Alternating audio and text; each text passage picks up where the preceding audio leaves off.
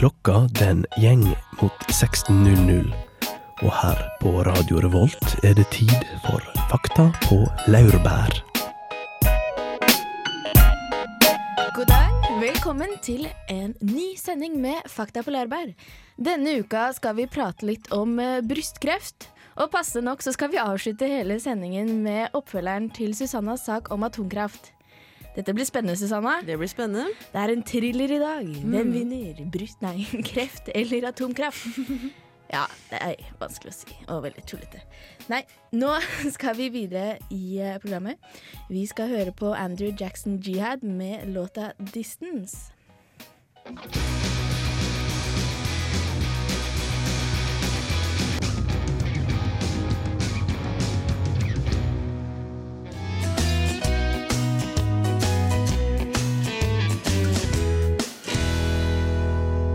Fakta på laurbær.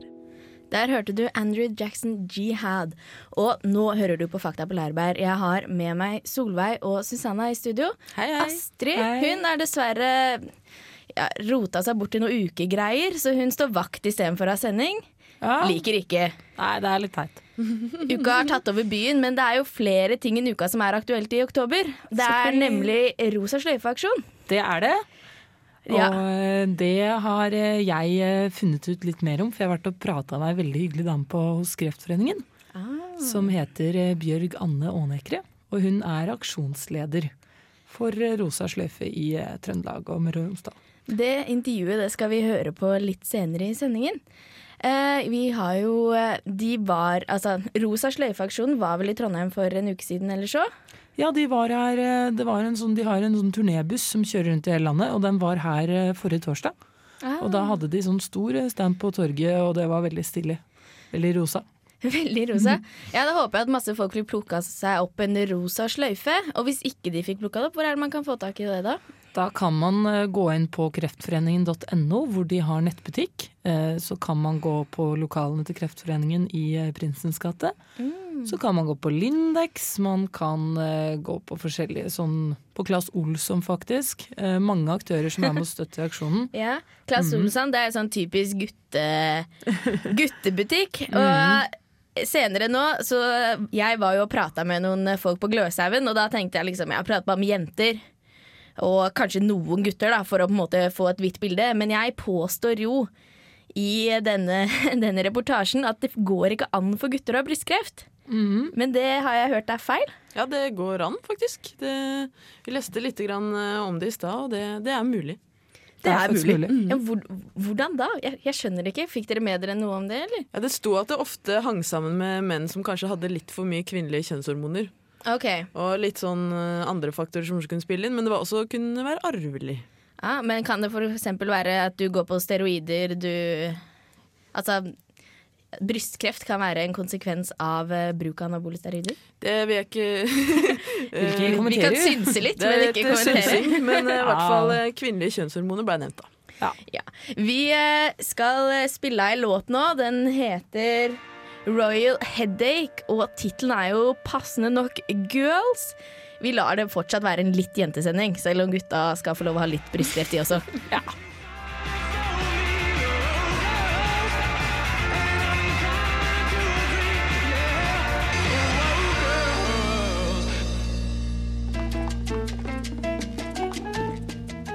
Rosa sløyfe-aksjonen har nettopp vært innom Trondheim på sin årlige turné. Jeg spurte noen jenter på Gløshaugen hva de syns om aksjonen. Jeg syns det er veldig bra. Støtter jo en veldig god sak. Syns du de gjør et godt arbeid? Ja. Ja, det syns jeg. Burde kanskje hatt fokus på andre former for kreft også, men det er jo fint at de har fokus på det. Støtter du den?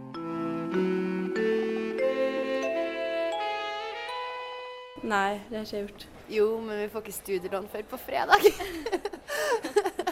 Så spare på hver krone. Gutter kan jo som kjent ikke få brystkreft, men de kan jo være med å støtte aksjonen.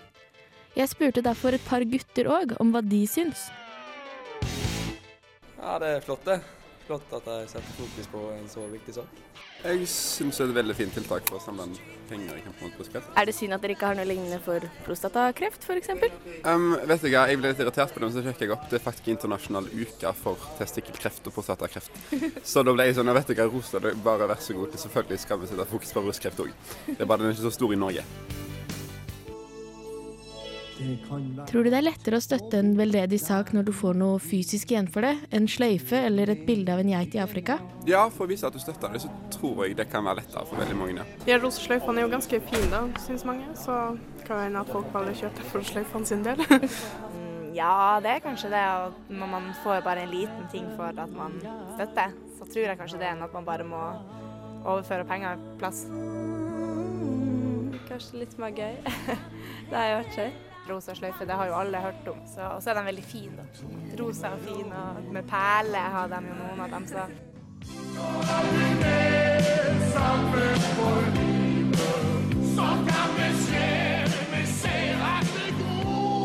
Jeg har sett at Tyholttårnet er rosa for tida, og det er jo en flott måte å vise det på.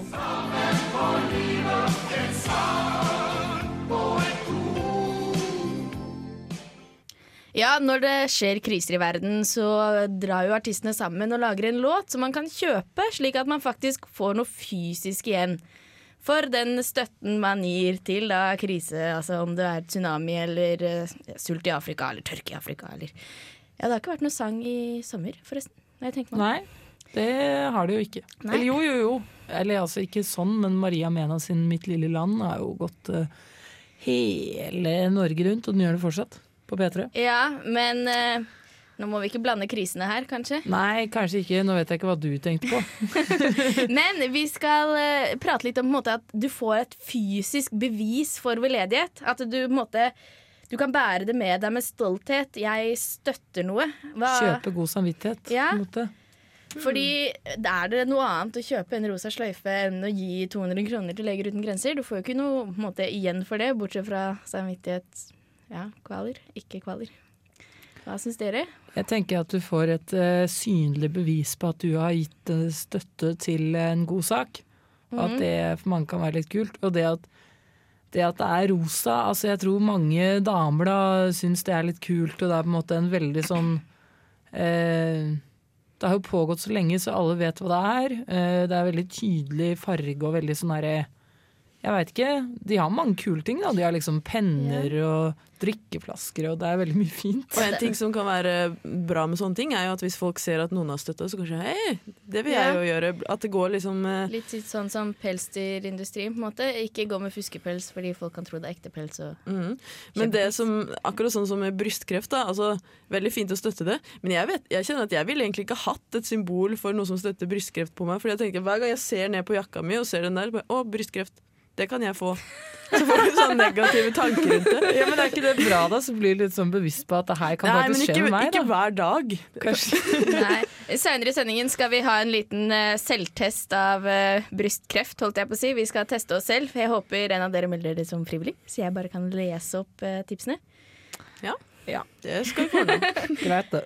Ja, Det er jo viktig å være obs, selv om det pleier ikke å slå ut før sånn i 30-35-årsalderen. Det er vel da du trenger å være bekymret. Men Tror ikke det er vanlig da heller, men jeg tror da må man i hvert fall begynne å sjekke seg. Tror egentlig det er litt tidlig for oss, men vi kan jo, vi kan jo øve oss. Nå gikk vi fra å være veldig politiske og prate om å på en måte flagge sin egen eh, gode samvittighet til å bli kjempetrist og prate om kreft her. Jeg merker at det er vanskelig å måtte ha en seriøs sending om sykdom. Seriøs, ja. Har dere Tror dere dere kommer til å dø av kreft, jenter? Du, og så ler du. Er så fælt. Jo, men det er mange Det, som gjør det. Altså. jeg, jeg skal ikke leke med skjebnen, Ragnhild. Jeg tør ikke svare på sånne Nei. spørsmål. La oss banke i bordet sammen, alle sammen. En, to, tre. Nå skal vi videre i sendingen. Vi skal høre på Sitting Ducks med Selda.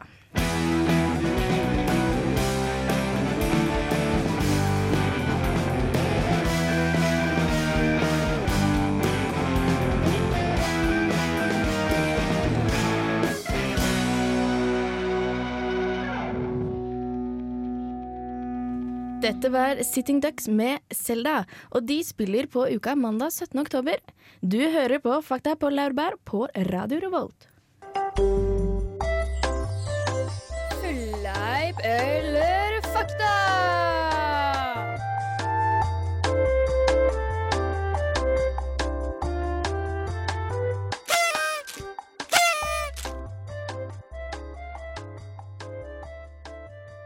Ja, siden Astrid er borte i dag, så har jeg fått lov til å overta Fleip eller fakta-posten. Og jeg syns det var litt for depressivt at det skulle handle om kreft, så jeg valgte at det skal handle om pupp. Oh, det er bra! Så da setter vi egentlig bare i gang. Um, er dette fleip eller fakta? Verdens største pupp veier over ti kilo. Og da snakker vi om én pupp. Én pupp. Og er det da en naturlig pupp, lurer jeg på. Um, Ikke nødvendigvis.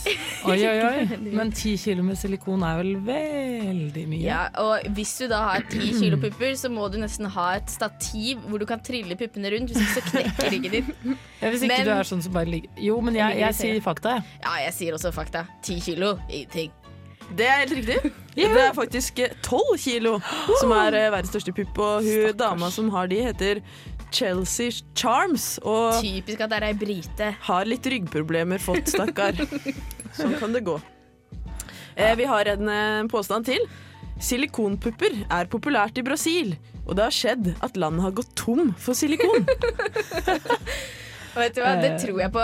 Brasilianske kvinner er jo de mest forfengelige i hele verden. Det er jo grunnen at Brazilian kommer fra Brasil. Og dessuten så er det jo mange transvestitter, eh, så jeg tenker kanskje de òg har sånn silikoninnlegg eller noe. Ja, jeg vet ikke hvor silikon kommer fra, men hvis det er kunstig produsert mm. Tom for silikon? Ah, vet du hva, jeg sier fakta. Jeg, Du sier fakta. Ja. Skal jeg være litt sånn eh, på kanten der og si fleip, så vi har litt motvekt? Ja, ja, ja. Jeg kan det er si fleip. Det blir spennende. Ja, ja. Det er faktisk fakta. De gikk tom for silikon i 2003. Og det var et stort problem, men det ordna seg etter hvert. Ordna seg, ja. ja Vi har en eh, påstand til. Verdens minste pupper er så små at du trenger lupe for å se dem. uh, menneskepupper, eller Ja, er det? Eller er er det et, kanskje det er et lurespørsmål? Kanskje det egentlig er en sommerfuglpuppe? Oh, ja, men de er synlige for det. Men er det på et menneske? Det er menneskepupper. Ja. Ja, det tror jeg ikke på. Nei, vet du hva, det går ikke an. Det går ikke an. OK, neste Ja, påstand. ja, en til. FHM har kåret Tone Damli Aaberges pupper til Norges fineste pupper i 2011. Er fleip eller fakta? Uh, hvem er det vi har som konkurrerer? FM er jo et norsk eh, blad. Du har selvfølgelig Er ikke? Men hun er jo silikon. Eh, og så har du alle disse her Tine fra Drammen og Heidi fra Katarina fra Moss. og Ja, sånne ting. Ja. Vet du hva, jeg tviler ikke, fordi Tone Damli Aaberge er liksom sånn opphøyet av alle sånne manneblader, syns jeg. ja, fordi hun er sånn søt pike, men samtidig 'kom og ta meg'. Hun har en sånn rar greie going on. Eller jeg vet ikke. merkelig aura. Ja. For en eira. Nei, jeg tror jeg går ut på fakta på den nå, jeg. Ja, jeg òg. Dere sier fakta? Det Ja. er nok fleip. Neimen. Tone har fjerdeplassen. Førsteplassen er Triana Iglesias. Ah. Ja, ja, ja. Gratulerer! Jeg er ikke enig med norske gutter der, altså. Nei. Eh, har du mer på plakaten? eller? Nei, det er bare tomt. Da hopper vi videre, vi. Vi skal eh, høre på Dr. Dre med 'Nothing But A G-Thing'. Og Snoop Dogg spiller jo som kjent på Uka lørdag 15. oktober. Så dere kan glede dere de som har billetter. To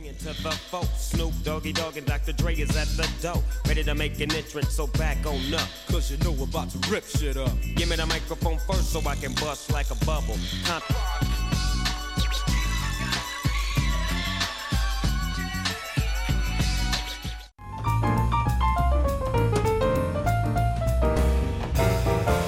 Fakta på laurbær.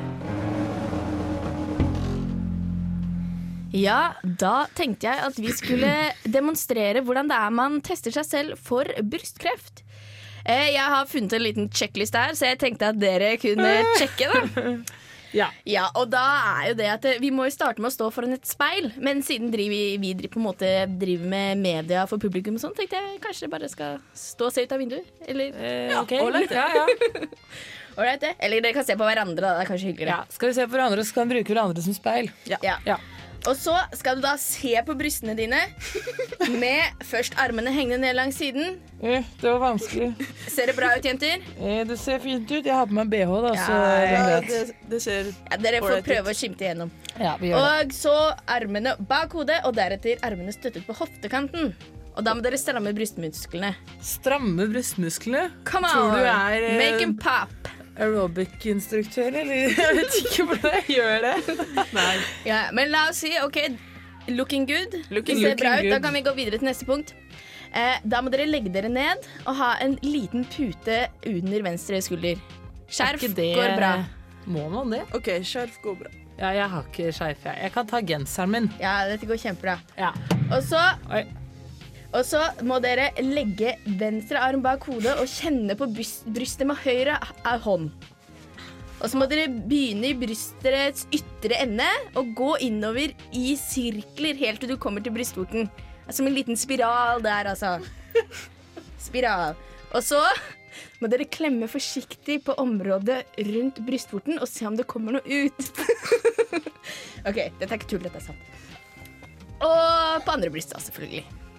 Looking good, altså. Ja, jeg gjorde jo faktisk det når jeg Ja. lå på Ja, det kjennes uh, Men altså, om, det, om det kommer noe ut, så er ikke det krise, for det kan jo bare være Kan en måte en kjertel, eller ja, det kan være ja, Ja, vi er alle. kanskje litt unge til å gjøre det her. Og hvis man også finner på måte, klumper og sånne ting, så betyr ikke det at man har brystkreft. Mest sannsynlig så har man ikke det, for én av ti, det er altså ni av ti er godarta, én av ti er ondarta. Og så er det jo lymfekjertler som kan eh, forvirre litt også. Ja, og hvis du har hatt en brystbetennelse, for eksempel, så lager det seg en liten kul. Men det som er viktig med det her, og hvorfor vi på en måte sier det selv om man egentlig ikke trenger å på en måte være kjempebekymret før man blir 35, er at det er greit å kartlegge sitt eget bryst, sånn at man vet når det har kommet en ny kul. At da kanskje man kan heller være litt bekymret. Ikke sant? Jeg har hele åtte år før jeg trenger å faktisk begynne med dette, men det er jo lurt å gjøre flere. Bare så man vet. Ja, altså Det er jo greit å være kjent i hjemtraktene, liksom. Ikke Ja. sant? Og kanskje man får økt selvtillit av å være så eh, opptatt av puppene sine, tenker jeg. Kanskje man blir mer glad i dem. Det er jo fint. Det får vi da håpe. Vel, da sier, håper vi at alle har fått med seg hvordan du sjek sjekker deg for brystkreft. Her kommer Tåke med myr.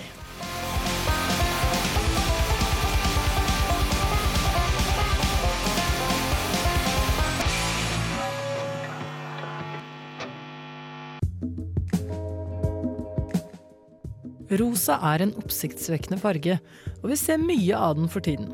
Ikke bare på blogg.no, men i det siste mer og mer på folks jakkeslag, profilbilder på Facebook og nettsteder. Kilden til alt rosa er den velkjente Rosa sløyfe-kampanjen, som i år arrangeres for 13. gang av Kreftforeningen.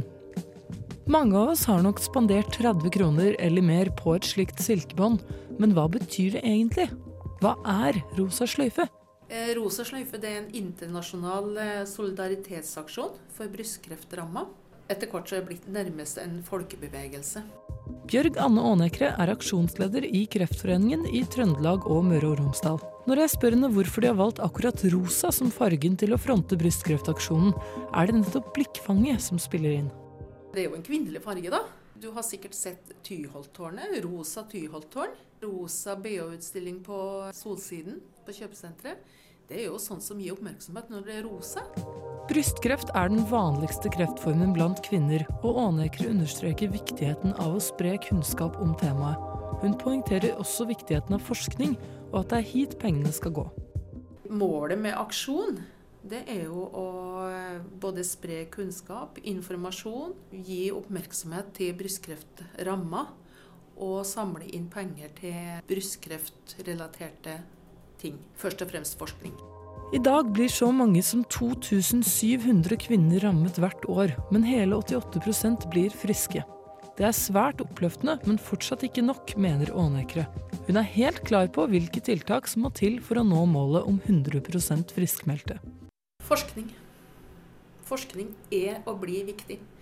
Og brystkreft har vært så heldig at det har vært en populær eh, kreftdiagnose å forske på. Så det har vært forska veldig mye. Derfor er de kommet opp i en så høy prosent som 80-80 overlevelse. Så vi ser jo at forskning virker. Det er veldig, veldig viktig at vi kan støtte brystkreftforskning i Norge. Brystkreft er heldigvis ikke noe som rammer unge kvinner, særlig ikke også i 20-årsalderen. Kreftforeningen anbefaler selvundersøkelse fra man er ca. 30 år. Men hva kan unge jenter gjøre for å forebygge brystkreft allerede nå? Leve normalt. Leve sunt. Det er vel stort sett det f.eks. en 20-åring kan gjøre. Eh, selvundersøkelse er for tidlig å begynne med når du er 20 år. Men um, ha et uh, normalt forhold til hva du putter i munnen. Tenke på hva du spiser.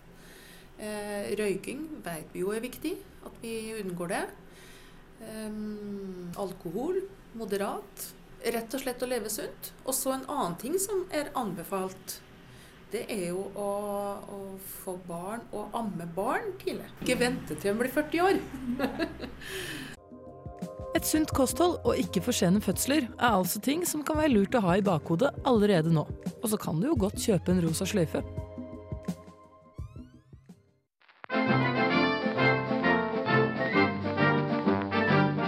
Fakta på laurbær. Jeg minner om at jeg syns nesten dette var oppløftende ord, jeg. Rett og slett. 88 friske, det er kjempebra. Veldig, veldig bra.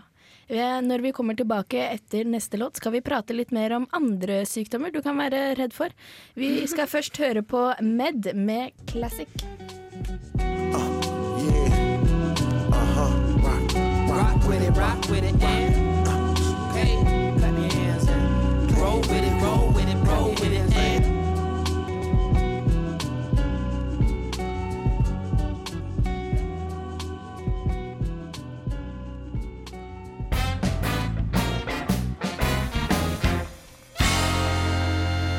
Fakta på laurbær. Der hørte du altså Med med Classic. Og eh, jeg har funnet en litt artig side her. Når jeg var ute og søkte etter brystkreft, eh, eller sider om brystkreft på internett, så fant jeg en side som heter Norsk helseinformatikk. Og der har de en sånn artig konkurranse hver uke hvor det er bilder av masse sykdommer. og, så kan, og så kan man gjette på hva slags sykdom det er. Og det syns jo jeg var litt artig.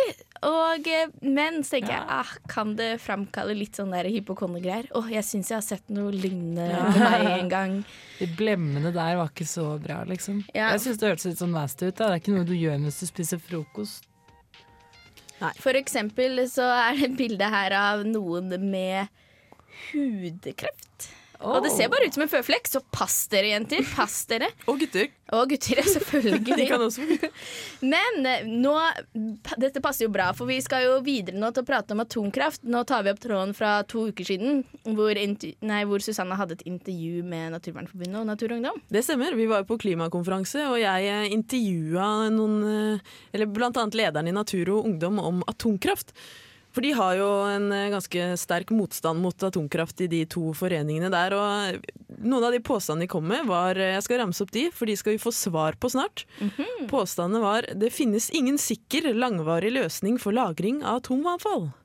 En annen påstand er vi trenger ikke atomkraft, for vi har nok fornybare energikilder til å erstatte kull, olje og gass allerede. En annen påstand. De nylige ulykkene i Japan og i Frankrike var store. Og den siste påstanden er at eh, atomkraft ikke er aktuelt i Norge. Eh, Det var altså da påstander fra Natur og Ungdom og Naturvernforbundet, og jeg har intervjua en eh, doktor i energi- og miljøfysikk. Og nå skal vi høre hva han sier til det. Det blir spennende. There is no secure long-term solution available when it comes to storing of atomic waste. Well, I think uh, we know what the solution is uh, deep rock burial. Uh, the problem is no one wants that uh, in their backyards, so there's a lot of uh, reluctance to accept nuclear storage. On the other hand, the amount of nuclear material of this high level sort that needs to be buried in this long term storage facility is, is really fairly small. If we look at the French, going back to the 60s with a very well developed nuclear program, the total amount of waste that needs long term storage is, from that entire program, is about the size of an Olympic swimming pool. We don't need atomic power because we have enough renewable energy resources to replace all fossil fuels, and we also have enough uh, technology today to do that. We do, if you just do a one to one comparison, indeed, you could replace everything with renewable energy. The problem is that the infrastructure we have is currently set up for fossil fuel, uh, where we have large power plants that can't be shut off easily that run a base load, and then we turn on additional power plants that we can turn on and off quickly to, to handle the peak loads. The problem with most renewables is they, they generate power on their own time schedule. The wind energy generates when the wind blows, and the, the solar energy generates when the sun comes up, but that might not be when you actually need the power. So it would make you would need a very large investment in infrastructure to make that happen, and also development of new storage technologies, be it batteries or transference to hydrogen and then back to power when you need it. So it's not a simple matter of just saying, well, we'll put up a bunch of solar cells right over by the coal plant and then just switch over when we need it. Uh, there's a lot more infrastructure development that needs to be done. And is it true that uh, the accidents in Japan and France uh, lately were really bad? I think the Japanese uh, accident was extremely bad. And of course, when you, well, the whole situation was very bad in Japan. The, the saltwater incursion onto the electrical systems that caused the safety systems to fail. Obviously, that was a, a shortcoming in the planning. And uh, there was some uh, radioactivity released, it was rather small. Um, the French accident that occurred recently was actually very minimal with very little release of radiation. Uh, mostly what you find on these things, including the Japanese plant, is uh, how well most of the systems worked. The containment facility contained everything. There wasn't a, uh, a Chernobyl type event where Chernobyl did not have a safety containment vessel and just spewed the radioactive, uh, high level radioactivity into the air whereas in Japan that was all contained. Uh, someone said that atomic energy is not an energy source of current interest in Norway. I think that's true. I think the Norwegian government is looking at, uh, well, continuing to use uh, gas as the stopgap uh, for peak demands, continuing to use the hydro that they've already developed. The hydro development is kind of at a level where they've exploited most of the resources they can sensibly exploit. I don't think they're looking at nuclear as a, as a future solution to any, uh, any stopgap. Dette var første del av intervjuet. Eh, nå hører dere Amerigo Gazaway, 'Feel Good Inc'.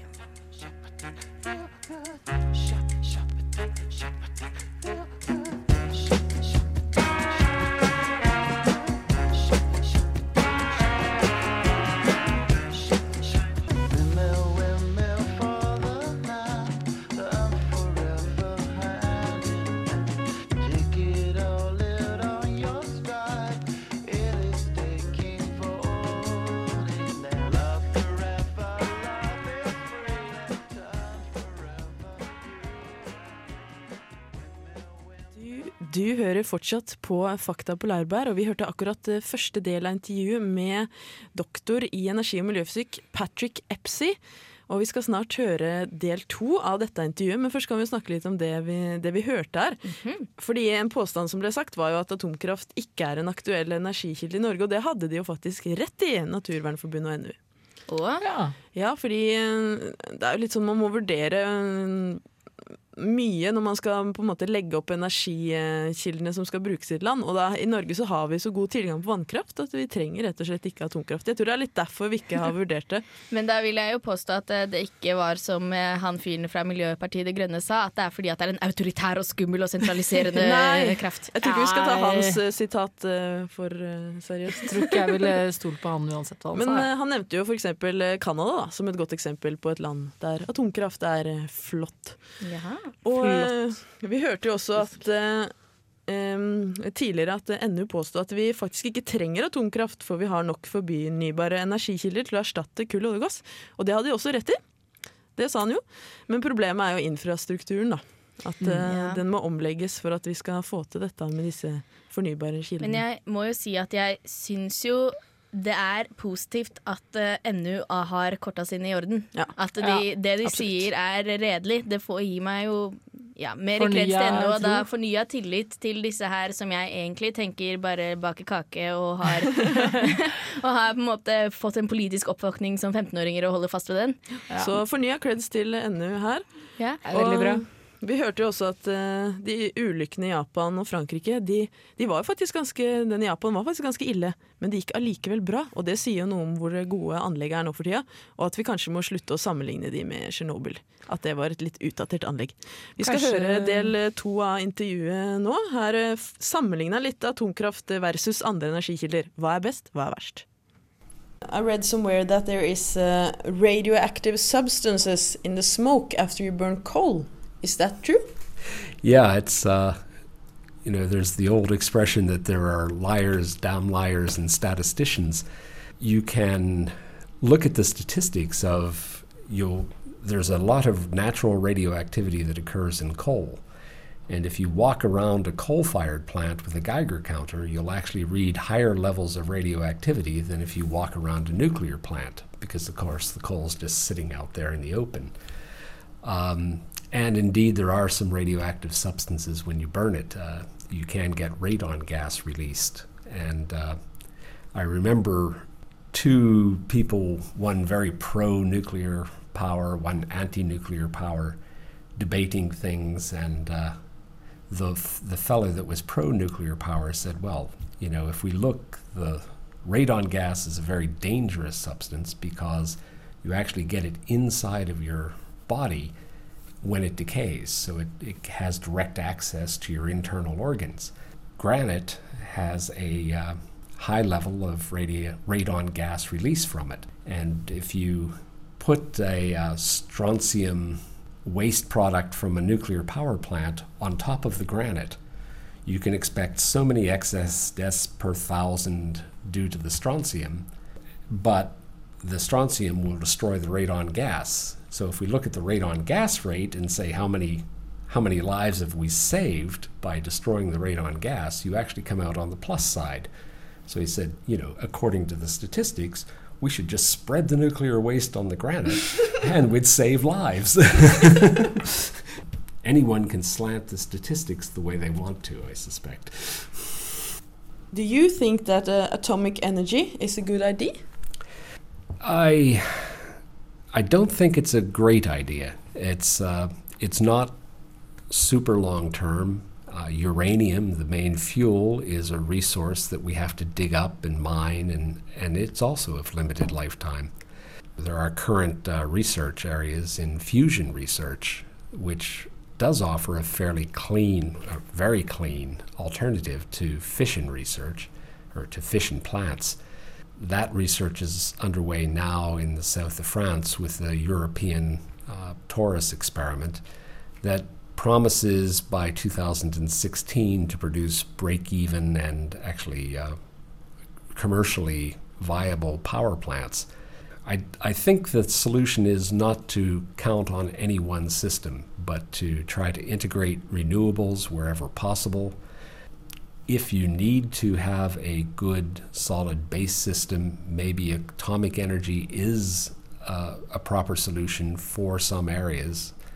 I certainly wouldn't want to build it uh, next to a earthquake zone, for Mm. instance. Uh, but if you have stable conditions and a very good supply of uranium, as as happens in Canada, then maybe that is a sensible solution. And uh, again, supplementing with renewables wherever possible, and eventually, uh, hopefully, at some point, bringing uh, fusion power plants online, which produce water as a worst uh, worst pollutant.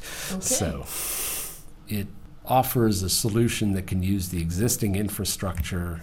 Yeah, it uh, you're producing a just plain water at the other end plus a lot of power. But uh, so far, it's still in the research stage. If we put uh, atomic energy on one side and uh, fossil fuels on the other side, who would be who is the worst for the environment? I think right now, I would have to say that fossil fuels are, are worse for the environment. Um, we're seeing increases in temperature. There's been a lot of debate, and it's been very highly politicized, but ultimately, it's getting to the point where the people that were blaming the sun, the sun has been through the, the quietest stage in the last uh, 10 years that we've seen in a thousand years. And yet, uh, the temperatures have been warmer on a global basis, uh, steadily increasing. So I would say that there is an acute problem with uh, greenhouse gases in the atmosphere. Fossil fuels are responsible for a great deal of that and probably represent the the target you want to get rid of right now. Um, if you can replace atomic energy in the future, or bring it online to replace fossil fuel and replace it in the future with something like fusion, that would be the perfect world. Um, so develop it sensibly with all the controls you can, knowing that you're not going to produce vast amounts of of highly radioactive substances that need the deep rock storage, and uh, and be willing as a society to pay the bill to replace those with more and more renewables as we develop the infrastructure for it, and perhaps with fusion in the future. NATO's